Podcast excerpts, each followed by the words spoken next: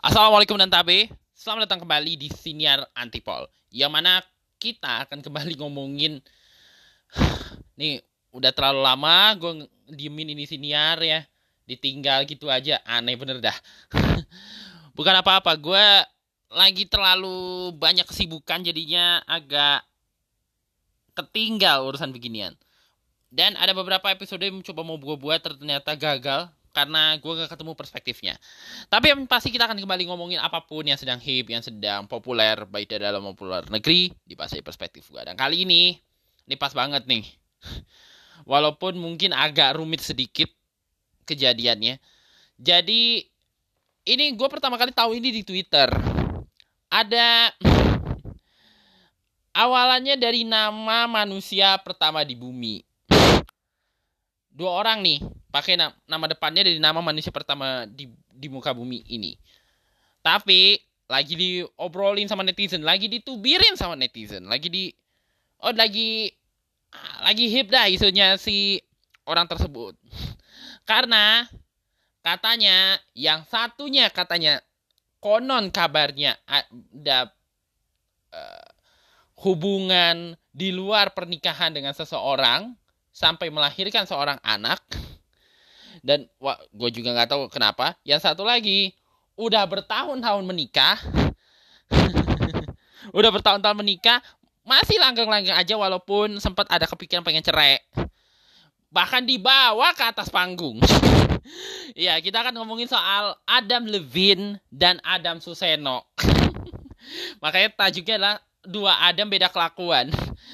Jadi uh, minggu ini kalau lu gua nggak tahu lu ikut mengikuti juga kejadiannya atau enggak, tapi isu soal si Adam ini memang lagi rame. Ini mulanya dari pernyataan seorang model bernama Summer Sturge yang mengaku me, katanya konon kabar yang memiliki hubungan spesial dengan si Adam Levine. By the way, Adam Levine ini adalah ini loh Adam Levine yang Every time lost star na na na na na na What la la la la la la la Nah itu tuh lagu lagu Lost Star yang mana dia juga ikut main di film tersebut. Uh, vokalisnya Maroon 5. Masa nggak tahu sih? Ya kita semua pasti tahu lah siapa Adam Levine. Nah, si Adam Levine ini dikabarkan konon kabarnya selingkuh dan hendak namai anak ketiga dengan nama selingkuhannya. Gue baca dari Invia Showbiz. Penyanyi Adam Levine menjadi sorotan setelah seorang model bernama Sumner Straw mengaku memiliki hubungan spesial dengannya. Dia menjadi viral di TikTok karena mengunggah video pengakuannya ia berselingkuh dengan vokalis Maroon 5. Dan Sumner ini membeberkan bukti tangkapan layar isi pesannya dengan Adam Levine di Instagram. Pesan tersebut Maksud saya pesan tersebut dikirim oleh Adam Levine yang mengatakan bahwa ia menamai anak ketiganya dengan nama yang sama dengan Sumner dan menanyakan padanya apakah Sumner baik-baik saja dengan video itu. Uh, video TikTok itu diunggah pada Senin 19 September 2022. Uh, Sumner mengatakan bahwa ia berselingkuh dengan pria yang sudah menikahi model Victoria's Secret dan meng mengaku dirinya masih muda masih muda dan naif lalu merasa dieksploitasi oleh Adam Levine. Nah, habis itu isu ini rame kan dibahas oleh banyak gue nggak tahu di Amerika Serikatnya kan Adam, Adam Levine kan dan Maroon 5 kan cukup terkenal di Amerika Serikat. Uh, gue nggak tahu apakah ini ramai juga di di sana. Tapi yang jelas di Indonesia ini jadi pembahasan cukup ramai sekali soal si Adam Levine yang katanya selingkuh. Terus ramai. Apalagi kebetulan, kebetulan secara kebetulan aja juga lagi ada isu seorang ada seorang youtuber uh, seorang content creator yang istrinya model seorang model kenamaan juga yang katanya selingkuh. Dan si istrinya ngerasa kayaknya suami gue selingkuh deh.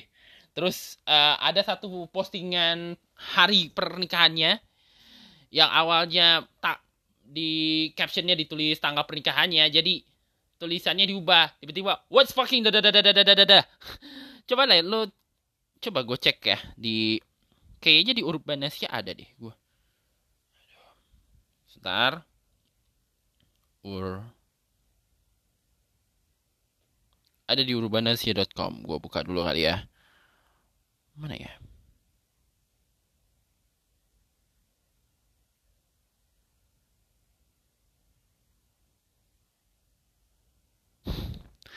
lama bener dah nyari ini ya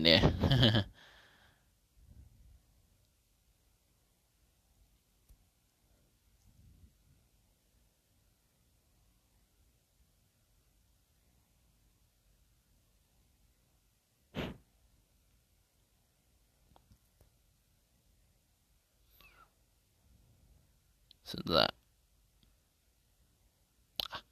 tidak ketemu. Tapi intinya adalah si siapa tuh si Wendy Walters istrinya si Arab atau Reza Octavian Reza Arab bilang bahwa was fuck. Eh yang berarti kata-katain lah si Arab karena ah, laki gue mukanya enggak seberapa masih aja ngeiniin perempuan orang gitu kan kurang lebihnya.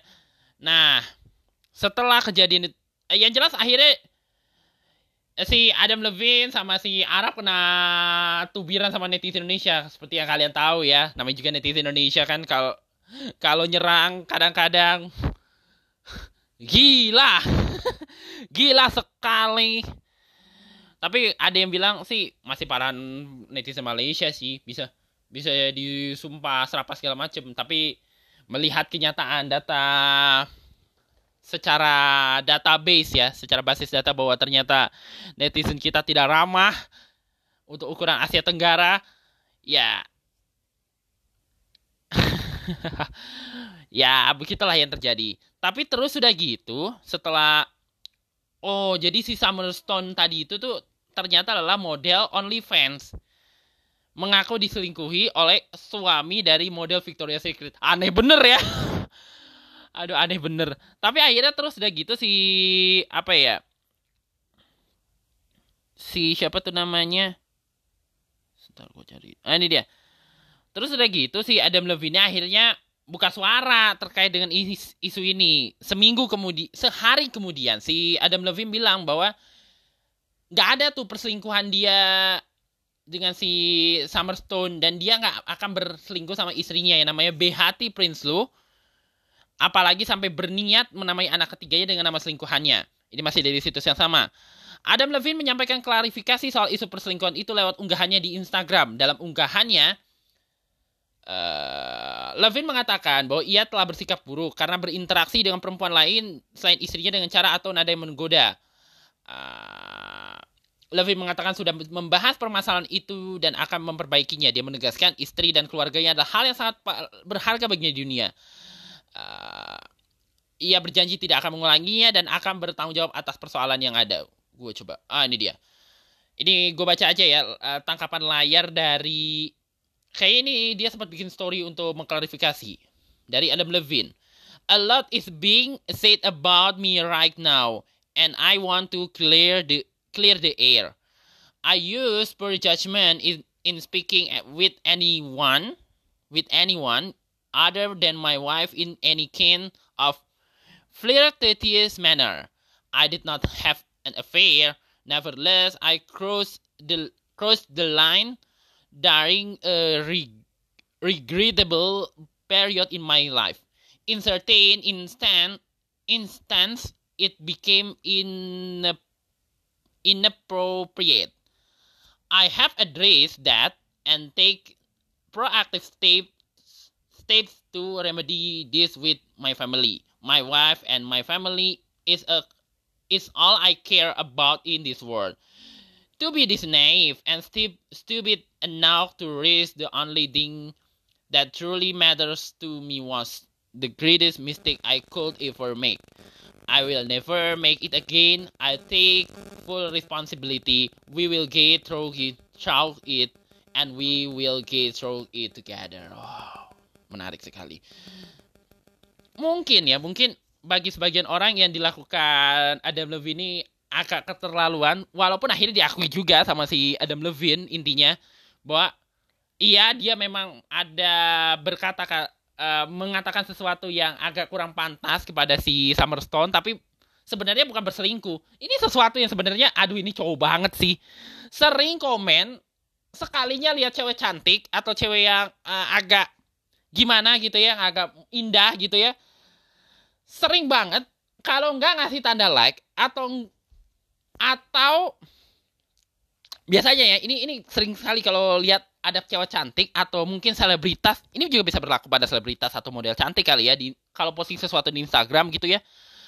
Uh, kalau kita suka biasanya antara kita kasih like atau mungkin kita simpen koleksinya saking wow wow banget nih votingannya gitu kurang lebihnya. Atau enggak kita komen gitu. Nah yang komen-komen ini nih kadang-kadang sumber jahanam. Kenapa gue tahu? Karena gue kan sempet nge-crush si Agatha Chelsea kan. Agatha Chelsea ini seorang aktris muda gitu ya. Uh, musisi pernah main film juga. Karena mungkin gue belum pernah nggak tahu gue pernah cerita atau enggak ya.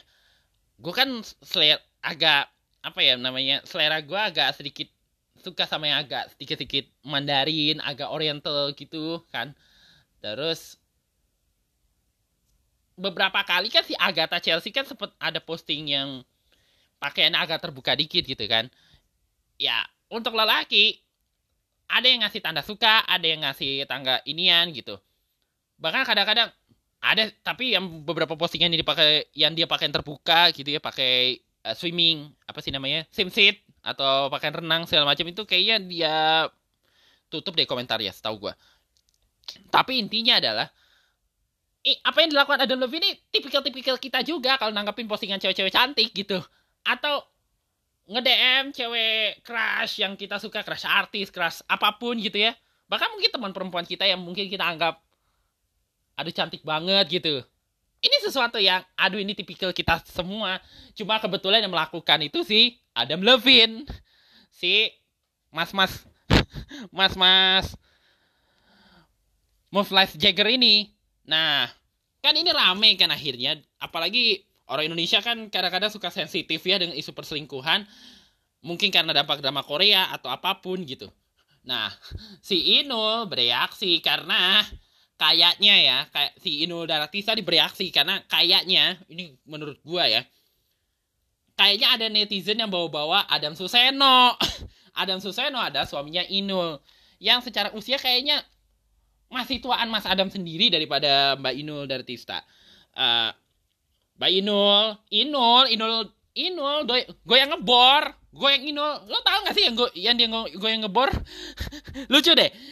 Dia kan ada posting ya yang dia tampil sama suaminya di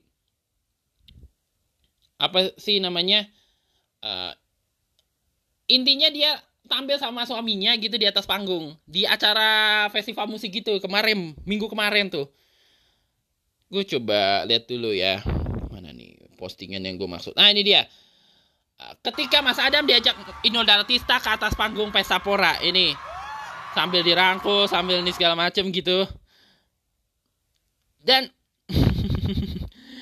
terus di, si Inulnya sempet ada ngeposting gini Adam Suseno lebih baik daripada Adam Levine.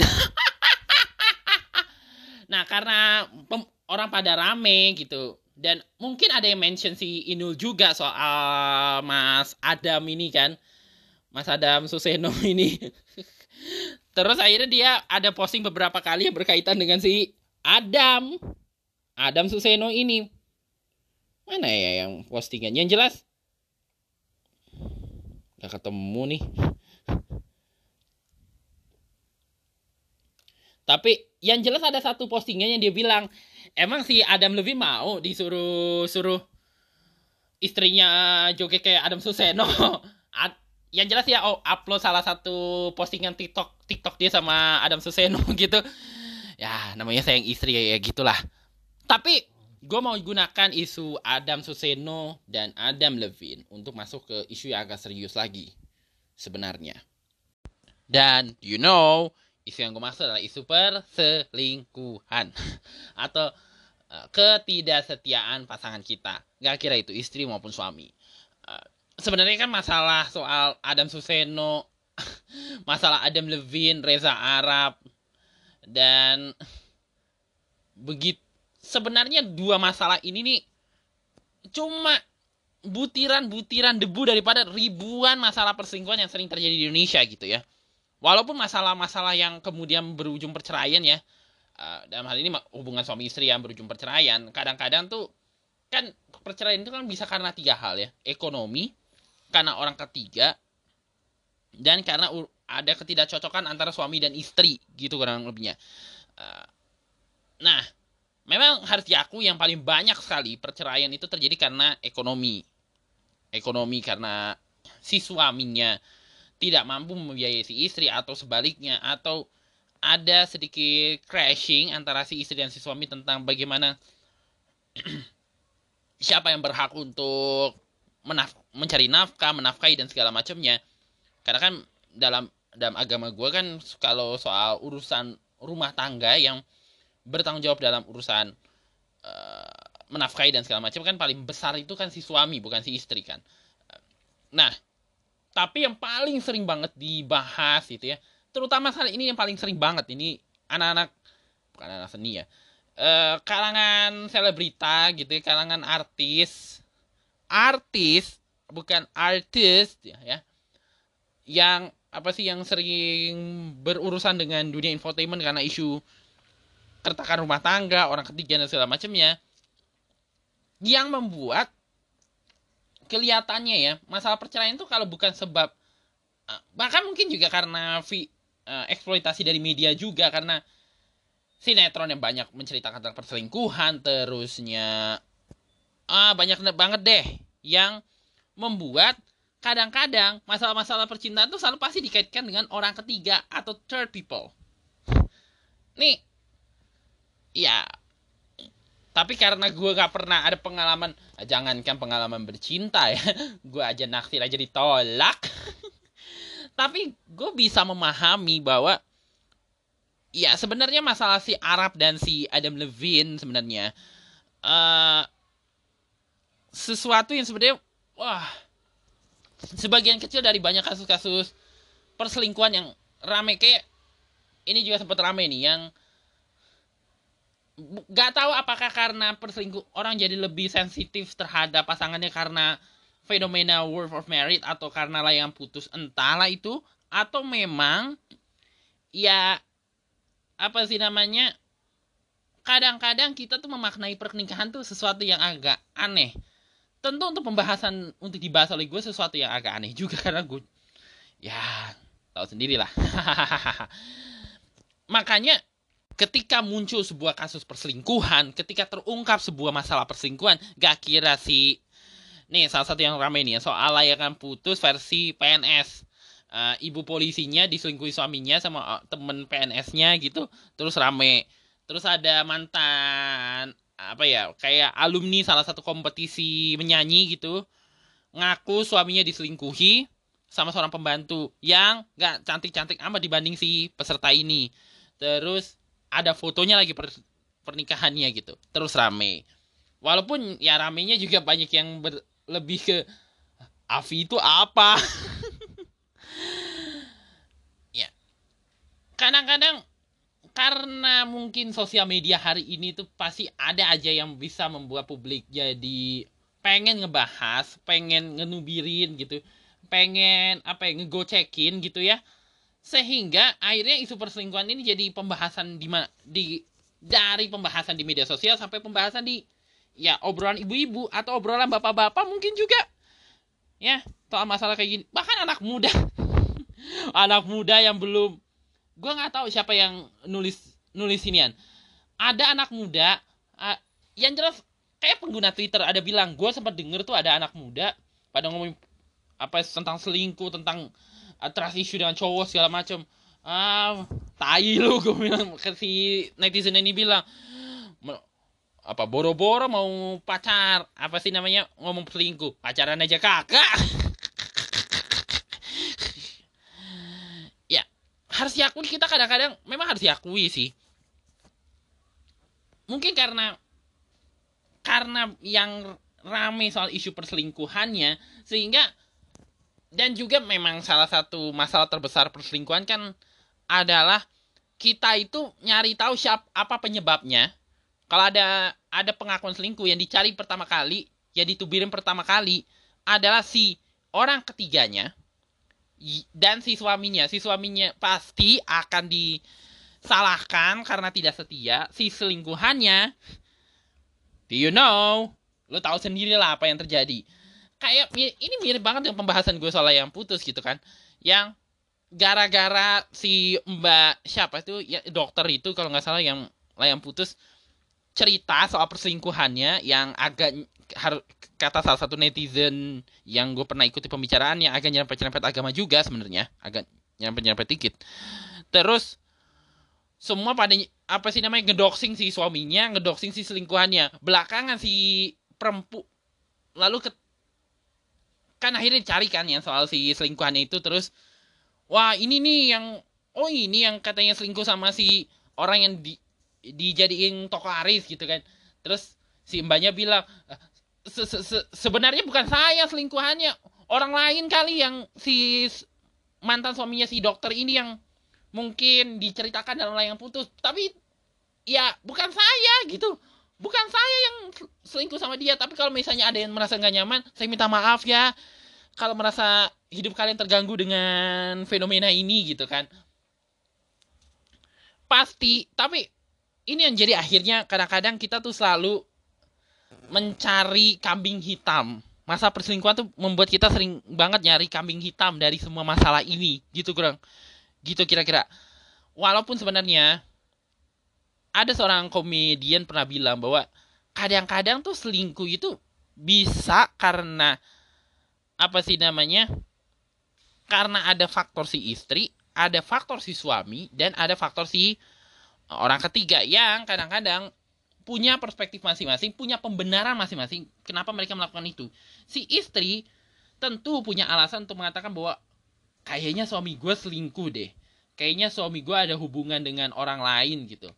Si suaminya juga pasti mengatakan, aduh kenapa sih istri gue selingkuh gitu. Nuduh gue berselingkuh, nuduh gue nggak setia dan segala macamnya. Nah si selingkuhannya merasa, tapi kan gue juga butuh cinta gitu walaupun yang gue lakukan mungkin salah gitu nah si istri si suami dan si selingkuhan ini pasti punya pembenaran atas apa yang dilakukan dan uh, terkait dengan walaupun diyakini ya kasusnya si Adam Levine ini bukan perselingkuhan cuma kenakalannya si Adam aja gitu ya. Uh, dalam konteksnya si Adam Levine ini kan jadi Summerstone-nya mengaku berselingkuh dan membuat alibi-alibi yang membuktikan selingkuhannya itu. Terus sama si Adam Levine bilang bahwa lah dari mana gue selingkuh? Gue kan cuma cuma nge DM DM nakal aja gitu. Ya, ya masa sih like, emang nggak pernah laki-laki pada nge DM nakal gitu ke crush artis crush model crush teman perempuannya ya suatu kewajaran laki yang sebenarnya memang harus diakui kalau sudah mul terjadi di pernikahan kadang-kadang memang wajar untuk dicurigai, wajar untuk dicurigai. Walaupun belum tentu itu berarti perselingkuhan ataupun awareness ataupun ya lu mau jemput apa pun yang berhubungan dengan kedekatan si lelaki dengan si perempuan yang di luar daripada rumah tangga ini gitu ya. Harus diakui ini agak ribet karena gue belum pernah ada pengalaman menikah, jangankan penikah, nah pacaran aja enggak. Tapi itu yang apa sih namanya? membuat kadang-kadang kita tuh jadi fokus kalau bahas selingkuh tuh lebih fokus ngebahas siapa yang disalahkan ketimbang kenapa faktor itu terjadi.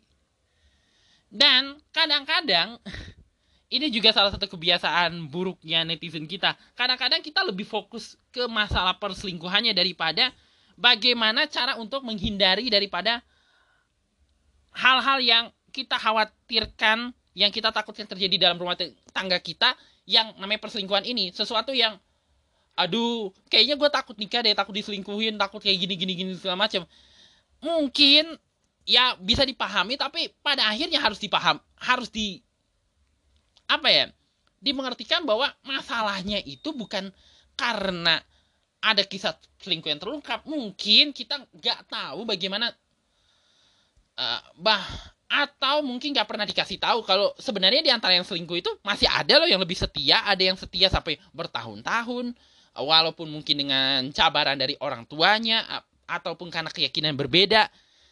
Ataupun karena mungkin bukan jodohnya segala macam dan segala macam dan segala macamnya. Nah, terus gue ada ter waktu gue mengikuti pembicaraan soal masalah ini, terus gue terlewat satu tweet nih dari Aji San Putro. Ini tweetnya 22 September. Selingkuh, pelakor, banyak terjadi, jadi sebab takut. Terasa banyak terjadi karena kita, manusia, suka ngomongin konflik rumah tangga daripada ngomongin rumah tangga yang rukun adem. Padahal yang rukun bisa jadi sebenarnya jauh lebih banyak. Tapi kita lebih asik dengan konflik. Belum tentu lebih banyak terjadi, cuma lebih banyak diomongin di berbagai kesempatan. Iya kan? Misal kalau pas ngumpul sama temen, lebih sering ngomongin konflik rumah tangga. Atau ngomongin... Nih, misal kalau pas ngumpul sama temen lebih sering ngomongin konflik rumah tangga seseorang atau rumah tangga orang yang rukun adem ayem.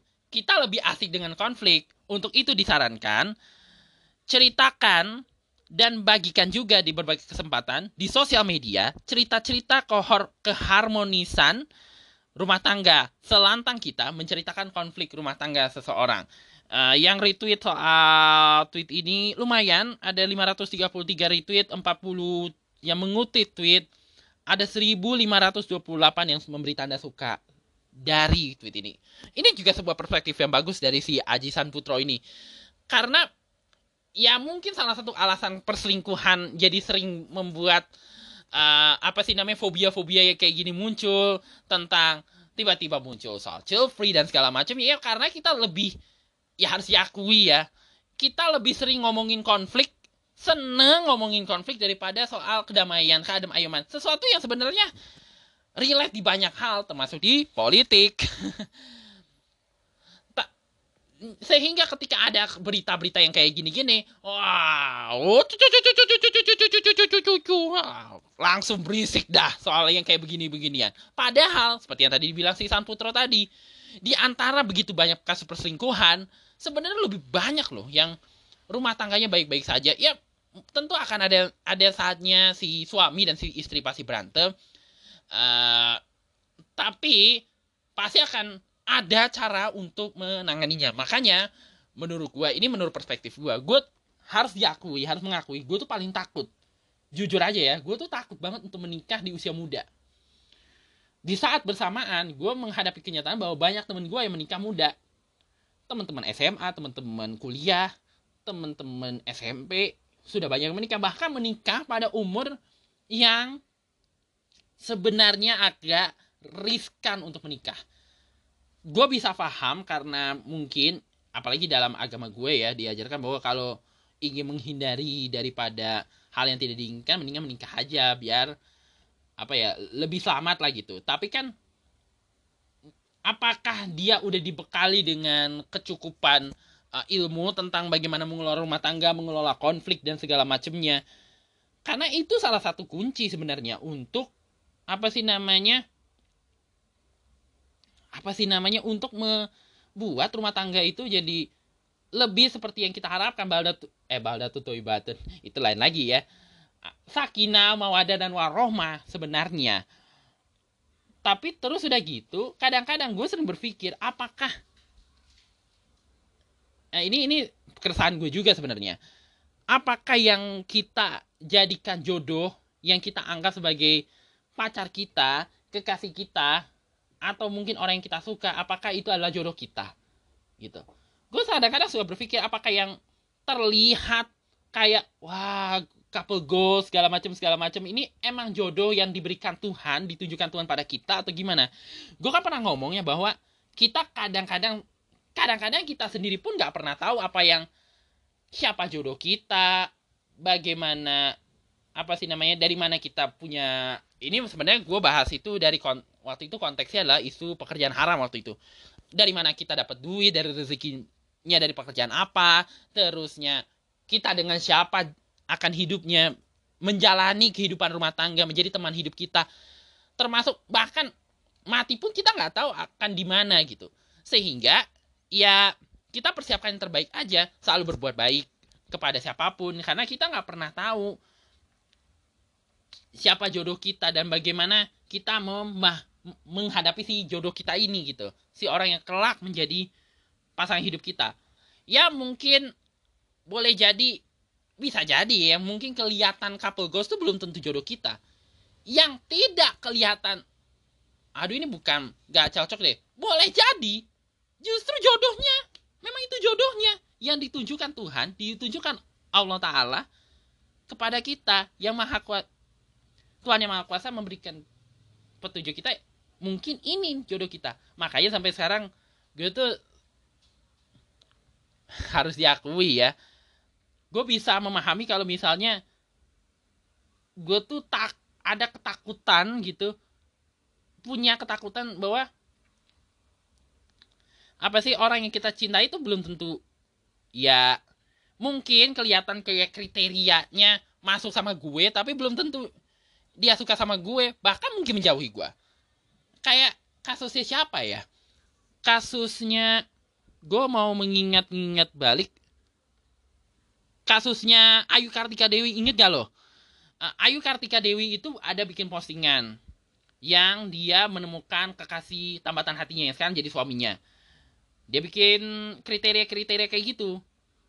Sekalinya dapat orang yang kriteria aja, malah non muslim. Malah orang bukan Islam ya akhirnya membuat dia menikah beda agama. Walaupun sebenarnya ada opsi untuk si suaminya ikut keyakinan si istri. Sesuatu yang sangat agak Indonesia banget yang belum agak belum siap soal masalah-masalah yang kayak begini. Masalah pernikahan beda agama ya, antar agama ya. kadang kadang-kadang jodoh kita bisa jadi membuat kita merasa diuji atau mungkin jodoh kita boleh jadi itu jodoh kita tapi mungkin gak siman dengan kita mungkin itu mungkin sekali bahkan mungkin yang kayaknya kayaknya bukan yang gue inginkan deh kriteria yang gue inginkan deh. Tapi bisa jadi itu memang jodoh kita. Makanya gue selalu bilang bahwa ya kita ikhtiar aja gitu soal berjodoh soal berumah tangga. Kalau ada uh, perselingkuhan boleh jadi ya boleh jadi yang selingkuh selingkuh ini ya boleh jadi karena mungkin yang dicintai dia belum tentu jodoh dia atau mungkin dia salah sangka karena mungkin jodohnya adalah orang yang mungkin di selingkuhi dia atau perempuan lain yang hadir setelah dia bercerai. Bisa aja itu. Itu segala kemungkinan bisa terjadi karena ya kembali lagi kita nggak tahu nih kodok uh, apa sih namanya takdir mualak kita dengan siapa gitu. Jodoh kita dengan siapa yang merupakan bagian dari takdir mualak ini gitu. Eh takdir mualak, takdirmu brom, astagfirullahaladzim.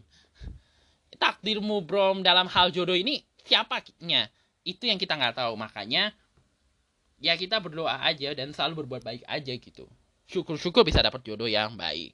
Dan sebenarnya sebenarnya kesimpulannya adalah dari senior ini adalah dari episode hari ini adalah uh, memang harus diakui banyak kasus perselingkuhan. Tapi ya kalau kita terlalu sering ngebahas hal-hal yang lebih tapi karena kita kenapa ini bisa muncul karena ya seperti yang tadi gue bilang ya kita sering ngomongin konflik daripada ke harmonisan rumah tangga. Dan kita sering mencari kesalahan yang menyebabkan hal itu terjadi ketimbang bagaimana caranya untuk membuat rumah tangga itu jadi harmonis. Dan sekali lagi, soal jodoh, kadang-kadang perselingkuhan itu terjadi karena mungkin kita suka salah sangka terhadap apa sih namanya tak takdir jodoh kita. Karena mungkin aja yang bersama kita hari ini mungkin bukan jodoh kita dan mungkin juga tentu ini bukan dalam maksud untuk membenarkan perselingkuhan ya tapi yang apa sih namanya mungkin yang datang setelah datang pada kita setelah uh, misalnya ya amit-amit ya bercerai ataupun uh, apa sih namanya selingkuhan kita boleh jadi itu jodoh kita.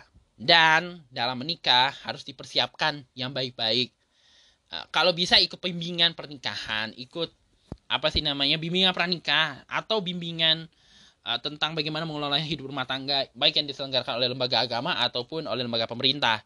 Sehingga kita punya apa sih namanya kecukupan ilmu, kecukupan material, kecukupan apa sih namanya psikis dan batin untuk menghadapi apa pun rintangan. Karena bahtera rumah tangga bukan mudah. Harus diakui bukan mudah. bahkan gue cukup yakin dalam hampir mungkin 1984 sampai 2013 hampir 29 tahun perjalanan rumah tangga bokap gue dengan almarhumah nyokap gue juga pasti ada berantem berantem ya pasti ada ada kesalahan antara si istri dan si suami tapi ya selama kita mampu mengelolanya kita bisa membuat rumah tangga kita menjadi lebih dan syukur-syukur sesuai dengan visi sakinah mawadah warohmah itu tadi dan menghindarkan kita dari apa-apa yang sekarang lagi ramai saat ini yaitu soal persingkuhan, soal ketidaksetiaan dan sebagainya. Itu aja sih pembahasan gue untuk episode kali ini. Panjang juga ya. Saking ribetnya. Yang jelas kita akan ketemu lagi di pembahasan berikutnya dari Siniar Antipol. Bye.